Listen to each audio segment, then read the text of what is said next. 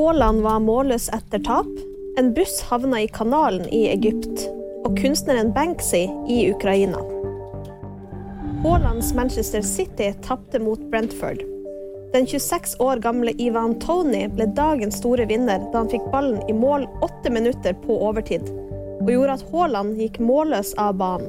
Stillingen ble 1-2 til Brentford og gjorde at Manchester City fikk sitt første tap for sesongen. 21 mennesker omkom etter en buss havna i kanalen i Egypt. Ifølge Helsedepartementet i landet er det tre barn blant de omkomne. Flere passasjerer er sendt til sykehus med skade etter ulykken, som skjedde rundt 100 km unna Kairo.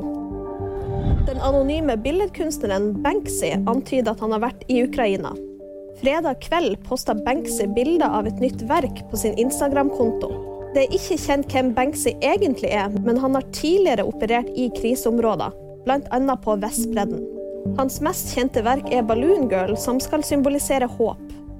Og VG-nyheter det fikk du av meg, Live Auskar.